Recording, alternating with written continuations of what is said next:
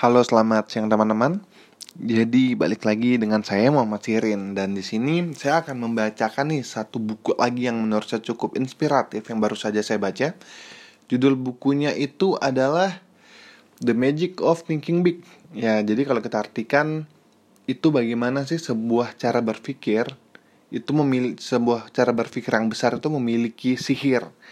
Apa sih maksudnya? Jadi di buku ini dia tuh ngejelasin 13 cara bagaimana dengan mengolah pola pikir kita itu bisa ngebuat sesuatu yang jauh lebih besar untuk kehidupan kita. Oke, kita mulai saja dari yang pertama. Dari yang pertama yaitu believe you can success and you will. Di pembahasan yang pertama ini ini ngebahas mengenai kita itu harus selalu mencoba untuk berpikir bahwa tidak ada yang tidak bisa.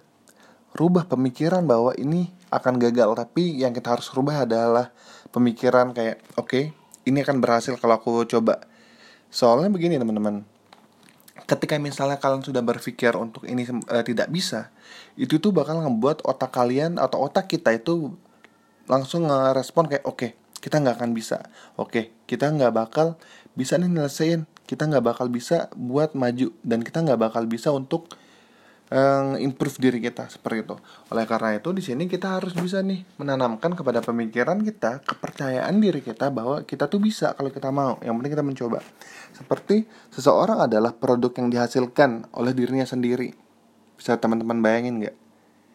Kalau kalian tuh ngebil diri kalian tuh dengan cara yang nggak banget, kayak kalian nggak bisa ngelakuin ini, kalian nggak akan bisa ngelakuin itu, maka kalian nggak bakal bisa untuk maju dan bakal tetap stuck di tempat yang sama. Di sini masalah yang sangat sering terjadi yaitu kita selalu merasa bahwa kita tuh nggak bisa dan hanya akan berpasrah. Namun yang kita lewatkan adalah kita belum mencoba nih. Yang masalahnya adalah kalian belum mencoba, kita sudah kita belum mencoba, tapi kita udah ngerasa gagal. Lucu gak sih? Menurut aku lucu sih dari yang aku uh, baca tadi itu kayak senyum-senyum sendiri sebenarnya.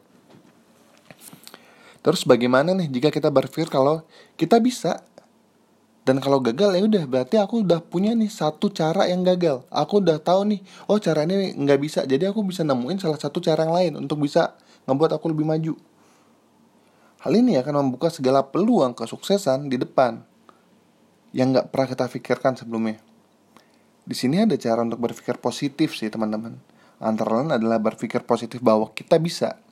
Yang kedua adalah ingatkan kepada sendiri bahwa nggak ada yang nggak bisa nih kalau kita mau mencoba. Terus yakinlah bahwa kamu bisa. Poinnya di sini adalah yang harus kita bold, kita tuh bisa kalau kita mau. Dan yang kedua, di sini nggak bahas mengenai sembuhkanlah diri Anda dengan alasan, dengan penuh alasan. Maksudnya adalah orang-orang itu terbiasa untuk memberikan alasan kepada hal-hal yang nggak mau mereka lakukan. Nih contohnya, seperti orang ingin ikut lomba lari. Cuma dia sudah memberikan alasan kepada dirinya kayak tapi aku sakit ya. Jadi mungkin nggak bisa ikut lomba lari. Padahal dia bisa kalau dia mau coba. Sebenarnya poinnya itu ada di situ. Dia tuh sudah ngebuat sebuah alasan yang di mana dia tuh kayak ngebuat tembok besar banget nih ke dirinya sendiri biar nggak bisa buat maju ke depan. Terus ada juga nih orang-orang selalu berpikir ya dia tuh sukses karena dia itu pintar. Lah terus kalian emang nggak pintar? Enggak kan? Yang jadi masalah adalah kemungkinan kita semua nggak mau mencoba. Nggak mau nggak mau mencari tahu kita tuh bagusnya di mana sih sebenarnya. Oke dia tuh bisa naik ke situ karena dia tuh mencoba dan dia tuh tahu jalan yang mana. Tinggal kita mencari jalan kayak oke aku bisanya di sini dan aku bisa nih naik ke tangga ini. Aku bisa naik nih ke posisi ini kalau aku ngembangin lagi diri aku. Ada juga yang selalu berpikir aduh aku udah nggak bisa tuh. Soalnya dia terlalu muda. Atau aduh aku nggak bisa tuh kayaknya umur aku nggak cukup deh untuk bisa sampai ke situ. Padahal balik lagi, umur itu nggak jadi patokan untuk seba untuk mengetahui seberapa besar sih diri kamu itu worth. Nggak ada patokan yang mengatakan kayak ketika kamu umur 20, kamu adalah orang yang bisa jago public speaking. Enggak, enggak, enggak ada patokan. Enggak ada patokan juga yang mengatakan ketika kamu nggak ada uang 100 juta, pada umur kamu 30 tahun kamu adalah orang gagal enggak enggak ada patokan. Bisa jadi ketika dia berumur 31 tahun dan dia terus mencoba dia bisa tuh dapatin semua yang dia mau. Dia tuh bisa sukses dengan caranya sendiri. Dia tuh bisa sukses dengan mendapatkan uang satu miliar misalnya. Nggak ada yang pernah tahu kalau dia nggak coba. Terus ada juga nih. Tapi dalam kasusnya kan berbeda. Dia bisa gini karena dia tuh gini. Ya balik lagi teman-teman tinggal bagaimana sih cara kita nge-improve bagaimana sih cara kita mencari jalan lain biar bisa maju. Jadi di sini diharapkan pada bab yang di bagian dua ini kita itu nggak terlalu banyak memberikan alasan-alasan kepada hal-hal yang nggak bisa kita lakukan atau nggak ingin kita lakukan. Karena hal itu bakal ngebuat tembok yang besar banget buat kita bisa maju. Terus ada yang ketiga yaitu bangun kepercayaan dari hancurkan eh, ketakutan. Sorry aku ulangin bangun kepercayaan diri dan hancurkan ketakutan yang ada kita tuh sering kali suka takut sama hal-hal yang belum kita coba Padahal yang kita ketahui adalah ketakutan merupakan musuh terbesar dari kesuksesan. Kita itu takut untuk mencoba sesuatu yang belum kita tahu hasilnya itu apa. Di sini rasa takut itu sebenarnya merupakan sebuah hal yang, yang wajar sih teman-teman. Namun itu bukan berarti Anda tidak berani untuk melawan ketakutan itu. Anda harus bisa meningkatkan kepercayaan diri Anda. Anda harus bisa belajar untuk menjawab masalah yang ada, seperti rasa takut untuk bicara di depan umum misalnya kita tuh harus tahu gimana sih misalnya nih aku takut bicara di depan umum aku cari cara oke biar aku bisa aku harus gimana nih misalnya aku mulai nih belajar bicara misalnya dengan satu orang atau enggak dua orang habis itu aku berbicara misalnya ke lima orang di depan mereka semua. Sampai akhirnya aku bisa nih bicara di depan seribu orang misalnya. Kan nggak ada yang tahu. Seenggaknya kayak yaudah kita mencoba dulu. Nggak ada yang salah kalau kita kalaupun gagal ya udah. Nggak ada yang salah dengan gagal. Yang penting kita mau mencoba terus. Seperti itu teman-teman. Terus ada juga nih. Bagaimana cara kita berpikir berpikir yang besar di dalam buku ini dituliskan dalam kesuksesan orang tidak diukur dari sarjana atau latar belakang keluarga tapi dari cara mereka berpikir dan dari keyakinan mereka. Nggak ada yang tahu masa depan orang itu seperti apa. Kita bisa nggak sih menjamin anak dari konglomerat bakal kaya terus? Atau enggak gini yang banyak terjadi kita nggak pernah bisa menjamin seorang anak tukang beca bisa menjadi pengusaha besar. Ada yang bisa bayangin nggak? Dia itu dari lingkungan yang nggak terbiasa mungkin untuk bisnis dan sebagainya. Atau mungkin dia dari pendidikan yang menengah apa pendidikan yang kurang keluarganya yang menengah ke bawah. Yang penting itu adalah bagaimana sih kita ingin mencoba memikirkan sesuatu yang besar dulu biar kita bisa mencapai itu seperti itu pernah mikir gak sih? Kayak saya lemah di bidang ini nih dan saya nggak bisa. Kebanyakan orang akan menyerah dan merendahkan dirinya sendiri tanpa berpikir saya bisanya ini dan yang akan saya lakukan adalah ini. Kebanyakan orang sukses adalah orang yang tahu kelemahannya dan tahu apa kelebihannya dan dia nge-improve, nge-upgrade kelebihannya agar bisa menutupi kekurangannya. Oleh karena itu di sini kita nggak bisa melakukan ke riset eh, atau seperti begini misalnya teman-teman. Mungkin kita bisa nggak sih melakukan riset kita berbicara dengan banyak orang kita berbicara dengan inner circle kita kita menanyakan nih kepada mereka kekurangan aku apa sih sebenarnya? Dan kelebihan aku apa sebenarnya dari kekurangan aku aku bisa belajar oke okay, aku kurangnya di sini yang harus aku upgrade apa dan kelebihan aku apa ini bisa menjadi penyemangat aku biar bisa terus mengupgrade kelebihan aku biar aku bisa menjadi expert di bidang itu dan dengan ini tentunya ini akan eh, bisa ngebantu kita buat jauh lebih maju lagi. Dan kita juga bisa seperti ini teman-teman. Ketika misalnya kita sudah meminta eh, pandangan dari teman kita, kita kekurangannya apa dan kelebihan kita apa, yang harus dititik beratkan kelebihan kita juga apa ya teman-teman. Biar kita bisa eh, berpikir positif kayak oke okay nih, aku ada kelebihan apa nih yang bisa aku eh, ngebuat aku maju. Setelah itu, kalian cari di sekitar Anda yang menurut kalian sukses teman menurut teman-teman sukses dan lihat dia kekurangannya apa kelebihannya apa apa yang ada di diri aku yang nggak ada di dia yang bisa nanti ngebuat aku lebih sukses daripada dia misalnya apa ya misalnya aku aku mungkin bukan orang yang cerdas mungkin. Tapi aku bisa jualan nih. Nah gimana cara aku biar bisa sukses? Oke aku bakal belajar banyak tentang penjualan tentang marketing biar apa? Biar aku ini bisa maju dengan apa yang aku bisa. Biar aku bisa lebih dari rata-rata orang yang eh, standar. Ketika misalnya aku belajar marketing sales dan sebagainya aku bisa ngebuat diri aku tuh jago di situ dan bisa ngelakuin hal-hal yang di luar orang bisa. Seperti itu poinnya. Terus eh, di sini juga eh, kita harus nih untuk mem memunculkan hal-hal seperti itu ya. Di antaranya mungkin kita tuh harus bisa membuat pola-pola berpikir sebenarnya. Entah itu kita tuh harus bisa selalu berpikir positif kalau kita udah berpikir negatif duluan kita nggak akan kita bakal susah majunya sih seperti itu. Terus kita tuh harus bisa menjadi sosok yang ceria harus bisa penuh diandalkan oleh orang-orang sehingga orang percaya kepada kita dan itu bakal membuka peluang-peluang baru untuk kita ke depannya. Terus di sini yang kelima. Di yang di bab 5 ini dia tuh membahas mengenai cara berpikir dan bermimpi dengan kreatif ya cukup menarik juga ya di sini pembahasannya.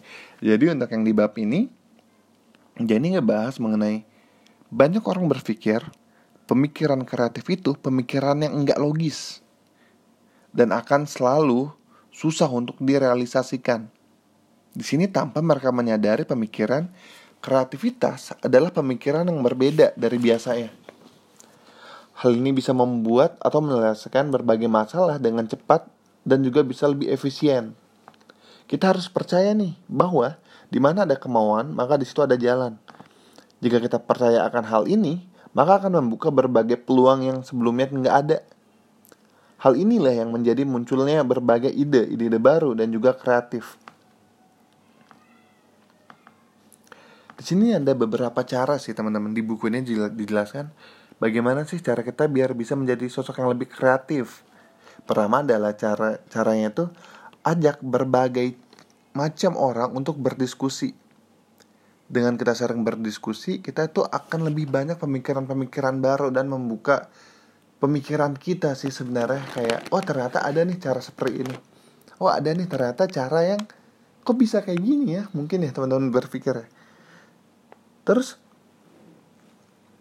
eh, biarkan orang lain itu untuk bisa mengapa ya sebutannya mungkin biarkan orang lain itu untuk mengkritik pemikiran kita sih karena balik lagi kita tuh belum tentu benar sih. Dan mungkin cara kita tuh belum tentu tepat untuk direalisasikan. Oleh karena itu kita tuh harus legowo harus menerima sih pendapat orang juga dan uh, harus menerima ketika pemikiran kita dikritik teman-teman. Karena balik lagi ketika banyak ide disatukan dan sengaja udah mempunyai tujuan yang sama ide-ide kreatif kita ini mungkin bisa jauh lebih kreatif dan lebih efisien dan tentunya akan lebih mudah untuk direalisasikan seperti itu.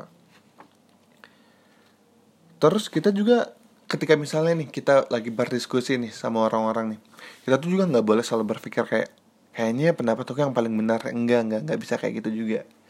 Jadi kita tuh harus ngelihat pendapat orang, harus kita cermati karena bisa jadi dengan pendapat-pendapat orang yang banyak itu bakal bisa ngebuka pemikiran kita bakal ngebuka insight baru akan memberikan kita eh, pendapat-pendapat baru atau pemikiran-pemikiran baru yang belum pernah kita pikiran sebelumnya. Terus ada juga nih yang nomor 6 Anda adalah apa yang Anda pikirkan. Cukup menarik sih di sini. Hal ini sangatlah menarik ya menurut aku pribadi. Karena hal ini dapat mengubah, mengubah apa pun yang ada pada diri Anda ketika Anda berpikir jika Anda nggak bisa misalnya nih kita udah berpikir dari awal aku kayaknya nggak bisa uh, digital marketing deh misalnya nih karena yang lagi rame digital marketing. Ya udah kita nggak bakal bisa. Tapi akan berbeda ketika misalnya oke okay, aku nggak bisa tapi aku mau belajar nih. Jadi aku mau men mencoba dulu nih. Ya udah ketika aku mencoba ya udah aku bakal akal bisa. Dan ketika misalnya ini aku berpikir oke okay, aku pasti bisa nih untuk bisa digital marketing bakal maka badan kita otak kita bakal memaksimalkan nih fungsinya agar bisa uh, mencapai tujuan yang kita mau. Jadi uh, bisa dikatakan mungkin ya apa yang kita pikirin itu adalah seperti roket sih kalau menurut aku pribadi ya. Roket yang bisa membawa membawa kita ke bulan. Bulan tuh anggap aja tujuan kita. Kalau kita sudah berpikir kayak oke aku nggak bisa ke bulan ya udah nggak bakal bisa. Cuma kalau aku udah berpikir kayak aku bisa nih ke bulan nih. Gimana sih caranya? Ya udah aku bisa pakai roket. Jadi kayak pemikiran kita itu adalah jalan menuju kita ke situ sih. Jadi seumpama aku susah untuk eh apa ya bisa dibilang ya? Aku susah untuk memikirkan eh, sesuatu yang positif untuk aku. Aku susah untuk menentukan tujuan kayak oke okay, aku bisa atau enggak. Itu bakal ngeribetin diri aku sendiri. Jadi menurut aku aku tuh harus bisa selalu berpikir positif untuk diri aku sendiri agar aku bisa ngejar apa yang aku mau atau apa yang aku cita-citakan. Terus ada juga nih mengelola lingkungan Anda atau mengelola gimana sih inner circle kita atau enggak circle kita. Di sini dituliskan lingkungan kita bisa menjadi aspek terbesar dalam membentuk siapa diri kita. Contohnya nih, jika kita berteman dengan orang-orang yang pintar ber berbisnis, maka perlahan-lahan tentunya kita akan bisa berbisnis.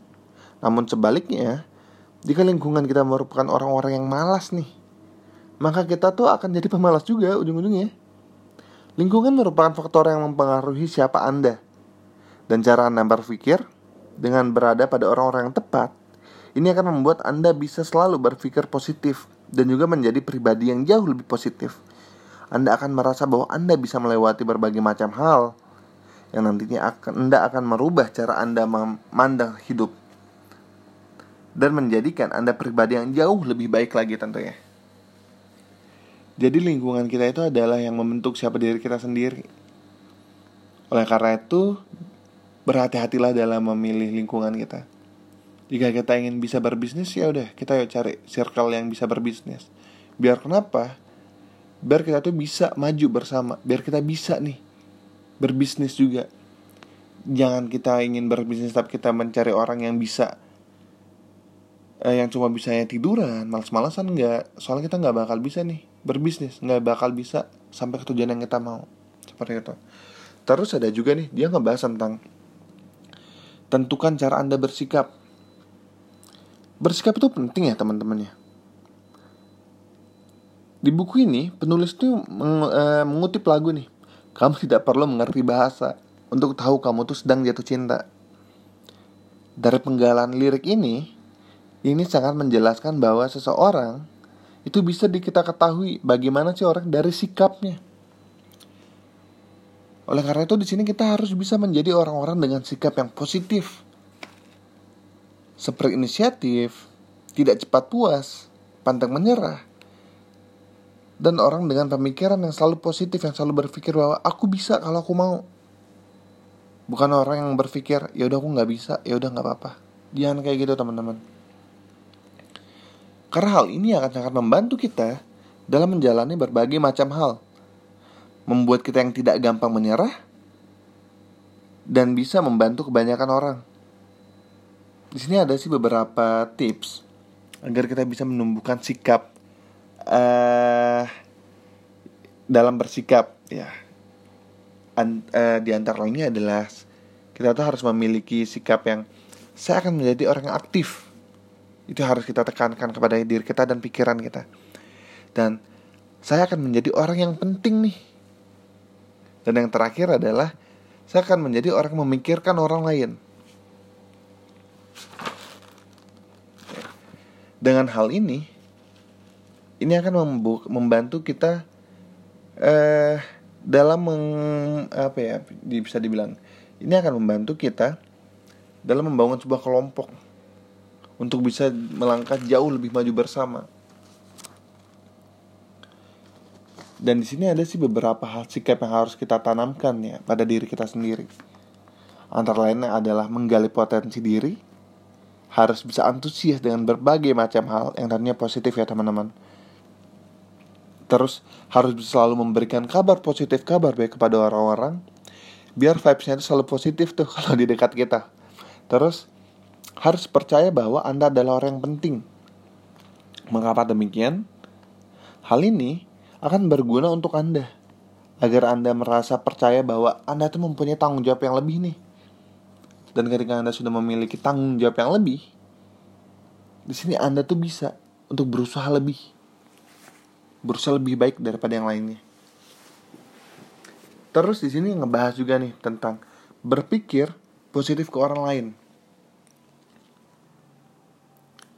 Yang sangat menarik di sini adalah kita tuh nggak bisa untuk melakukan semuanya sendirian. Jika kita ingin melangkah jauh, maka kita harus melangkah bersama-sama. Ini adalah hal yang penting ya, di mana kita dapat mencari, mempercayai orang-orang dan dapat percaya kepada dan dapat membuat orang itu percaya kepada kita.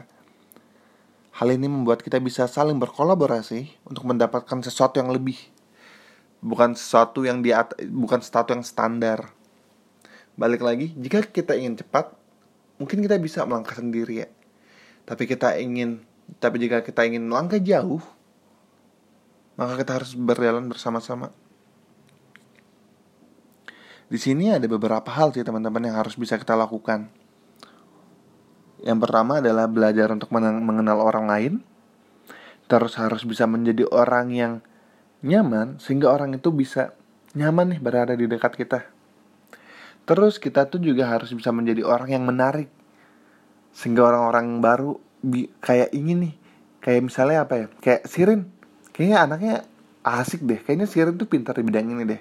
Dan orang-orang tuh bakal mulai tertarik kepada saya dan bakal langsung yaudah aku mau nih belajar sama Sirin aku mau nih berteman sama Sirin jadi kita tuh harus menjadi pribadi yang menarik juga teman-teman. Gak bisa menjadi sosok yang flat yang di mana mungkin orang bakal susah nih untuk ingin mengenal kita. Dan yang uh, terakhir mungkin kita tuh harus bisa peduli dan tulus kepada orang lain sih. Itu juga yang penting teman-teman. Dalam hal ini kita tuh harus memiliki keyakinan bahwa semua orang itu hebat. Enggak kita hebat sendiri Enggak, enggak ada orang hebat sendiri Enggak ada. Kita tuh harus berpikir semua orang itu hebat Tergantung dari mana cara kita melihatnya. Seperti kata Einstein ya Kita nggak bisa mengatakan ikan itu jago kalau dari kita melihat ikan itu bisa ber, uh, da, uh, memanjat pohon. Yang nggak bisa soalnya emang dia bukan di situ kemampuannya ikan kan nggak bisa memanjat pohon kan. Tapi ketika misalnya ikan ditaruh di laut dia akan berenang dengan cepat. Karena memang di situ kapasitasnya. Jadi di sini kita tuh harus bisa ya mengetahui oke okay, orang ini hebatnya di sini orang ini hebatnya di sini aku hebatnya di mana aku nggak bisanya di mana. Dan jika itu kita bisa mengkolaborasikan semuanya maka bisa nggak sih kita bayangin dream team kita seberapa hebatnya tim yang bisa kita hebat buat nanti seperti itu teman-teman terus yang ke 10 nih ada memiliki kebiasaan yang aktif Perubahan itu tidak terjadi dengan sendirinya teman-teman. Kita harus berani mencoba dan aktif melakukan berbagai macam hal. Aktif sangat penting diambil dalam hal ini karena dengan aktif kita bisa menjalankan sesuatu yang lama menjadi cepat. Dengan aktif kita bisa membuka membuka berbagai peluang-peluang baru yang tentunya akan membantu kita ke depannya. Seperti itu. Terus ada yang di nomor 11 mengubah kegagalan menjadi kemenangan. Mungkin bisa dibilang banyak banget orang sih. Ketika misalnya dia gagal dia sudah merasa kayak yaudah aku udah nggak bisa. Yaudah emang bukan tempat aku deh kayaknya. Oh yaudah deh aku udah nggak bisa. Yaudah aku di sini aja. Itu menurut aku pemikiran yang benar-benar salah karena kenapa di sini nih kekalahan ini bisa menjadi sebuah kemenangan lah teman-teman sebenarnya emang bisa bisa begini ya Tentu saja banyak orang yang pernah gagal. Tentu aja ya, kayak siapa sih nggak pernah gagal. Namun di sini bersedih dan berhenti itu bukan menjadi jalan keluar. Dan jika just stop, itulah artinya mereka benar-benar gagal. Lagi dia mencoba, ya mereka belum gagal artinya. Di sini kita tuh bisa ngeliat dengan kegagalan, kita tuh bisa tahu, oh berarti aku kurangnya di sini, aku boleh mungkin bisa mencari cara lain sehingga aku bisa nih nge-improve hal yang gagal sebelumnya itu menjadi kesuksesan. Jadi tinggal bagaimana cara kita ingin mencoba hal yang baru sih. Mencoba cara-cara baru, belajar dari kesalahan sehingga kita bisa menjadi juara di ke depannya. Sebegitu. Terus ada yang nomor 12, gunakan target agar bisa menjadi tumbuh. Sini terdapat berbagai perbedaan ya dari orang-orang memiliki target dan enggak. Yang pertama adalah orang yang dengan target akan lebih cepat dalam mencapai tujuannya. Sedangkan orang yang tanpa tujuan akan terombang-ambing dan mengikuti arus. Target merupakan hal yang sangat penting jika kita ingin mendapatkan sesuatu. Karena target di sini merupakan acuan pada apa yang ingin kita lakukan. Hal ini bisa mulai dilakukan dengan hal-hal kecil, teman-teman. Seperti yang akan kita lakukan besok itu tuh udah mulai bisa kayak oke okay, besok aku bakal ke sini. Cara aku untuk ke sini tuh gimana? Seperti itu.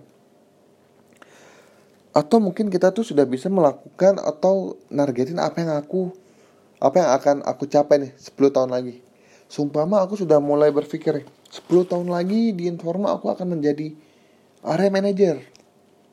Jadi aku nih udah tahu ketika aku ingin menjadi area manager apa aja sih yang harus aku lakuin? Aku harus menjadi DSM yang baik aku harus dulu dengan fast tracking misalnya aku harus bisa ngelit tim aku harus terus aku harus menjadi manager store. Jadi lebih jelas sebenarnya kayak apa yang bakal aku lakukan ke depannya. Dan lebih tersusun. Orang nggak punya tujuan itu bakal bingung sendiri tujuan aku apa? Apa harus aku lewatin? Nggak tahu. Dan jatuhnya kemungkinan bakal stuck di situ. Dan nggak bakal ke mana-mana. Jadi akan lebih baik ketika misalnya kita udah tahu apa yang bakal kita lakukan. Mungkin mungkin bisa dimulai dengan hal, -hal kecil. Balik lagi yang seperti dibilang tadi mulai tahu apa yang besok akan kita lakukan. Sehingga kita bisa melakukan eh, bisa berpikir apa sih yang minggu depan bisa aku lakukan? Jadi bertahap. Sama yang terakhir harus bisa berpikir seperti pemimpin akhirnya sampai yang di terakhir ya cukup panjang juga Jadi di sini dibahas mengenai Anda tidak ditarik ke tingkat kesuksesan yang lebih tinggi, namun Anda diangkat oleh tim-tim Anda yang hebat. Dari sini bisa kita tahu bahwa kita tuh kalau ingin maju jauh nggak bisa jalan sendiri. Kita tuh butuh orang-orang seorang tim yang percaya kepada kita, butuh tim yang hebat dan gimana sih cara menjadi sosok pemimpin yang hebat atau bagaimana sih cara bisa mendapatkan tim yang hebat? Tentunya kita tuh harus bisa menjadi seorang pemimpin yang hebat. Dan di sini seorang pemimpin yang hebat tentunya itu bisa memaksimalkan kemampuan timnya teman-temannya. Dan bagaimana sih mungkin cara-cara untuk atau prinsip dalam uh, kepemimpinan? Di buku ini dituliskan ada empat prinsip kepemimpinan yaitu pertama bertukar pikiran dengan tim Anda, jadi Anda bisa tahu mana yang baik dan mana yang buruk. Bakal lebih banyak referensi yang Anda dapatkan. Terus ada bagaimana cara untuk bisa menghandle hal-hal ini. Bagaimana sih cara untuk bisa menghandle sebuah masalah yang ada di, di depan kita. Dengan begitu, kita tuh bisa tahu, oke okay, cara ini nggak bisa, oke okay, cara ini bisa nih. Dengan begini aku bisa nih ngebawa tim aku lebih cepat maju ya. Seperti jadi lebih tahu sih, lebih visioner tepatnya mungkin teman-temannya, lebih tahu oke okay, kalau ini nggak bisa oke okay, berarti ini bisa seperti itu dan jangan menyerah seperti itu. Terus harus bisa berpikir untuk maju dan bisa mendorong tim untuk bisa melaju bersama. Jadi jangan pernah berpikir kayak oke okay, di sini aku sendiri yang hebat ya udah aku sendiri yang bakal maju. Enggak itu cuma bakal membuat anda maju beberapa langkah aja nggak maju jauh. Ketika anda bisa melaju bersama tim anda anda tuh bisa melaju sejauh itu bareng teman bareng tim-tim kita bisa maju bersama juga dan yang terakhir adalah luangkan waktu untuk bisa berpikir sendiri. Sehingga anda harus sehingga anda bisa tahu bisa teman-teman tahu kayak oke okay, kekurangan aku di sini. Apa sih yang harus aku lakukan? Begitu. Jadi buku ini cukup menarik ya teman-teman ya. Dari 13 pembahasan tersebut banyak banget hal yang bisa diambil dan aku harap teman-teman bisa dan aku juga pribadi bisa mengambil banyak pembelajaran dari buku ini dan bisa mengimplementasikannya di kehidupan aku sih Mungkin itu terima kasih atas uh, kesempatannya dan udah mau mendengarkan nih podcast kedua aku. Uh, Oke, okay, terima kasih dan sampai bertemu di podcast-podcast selanjutnya.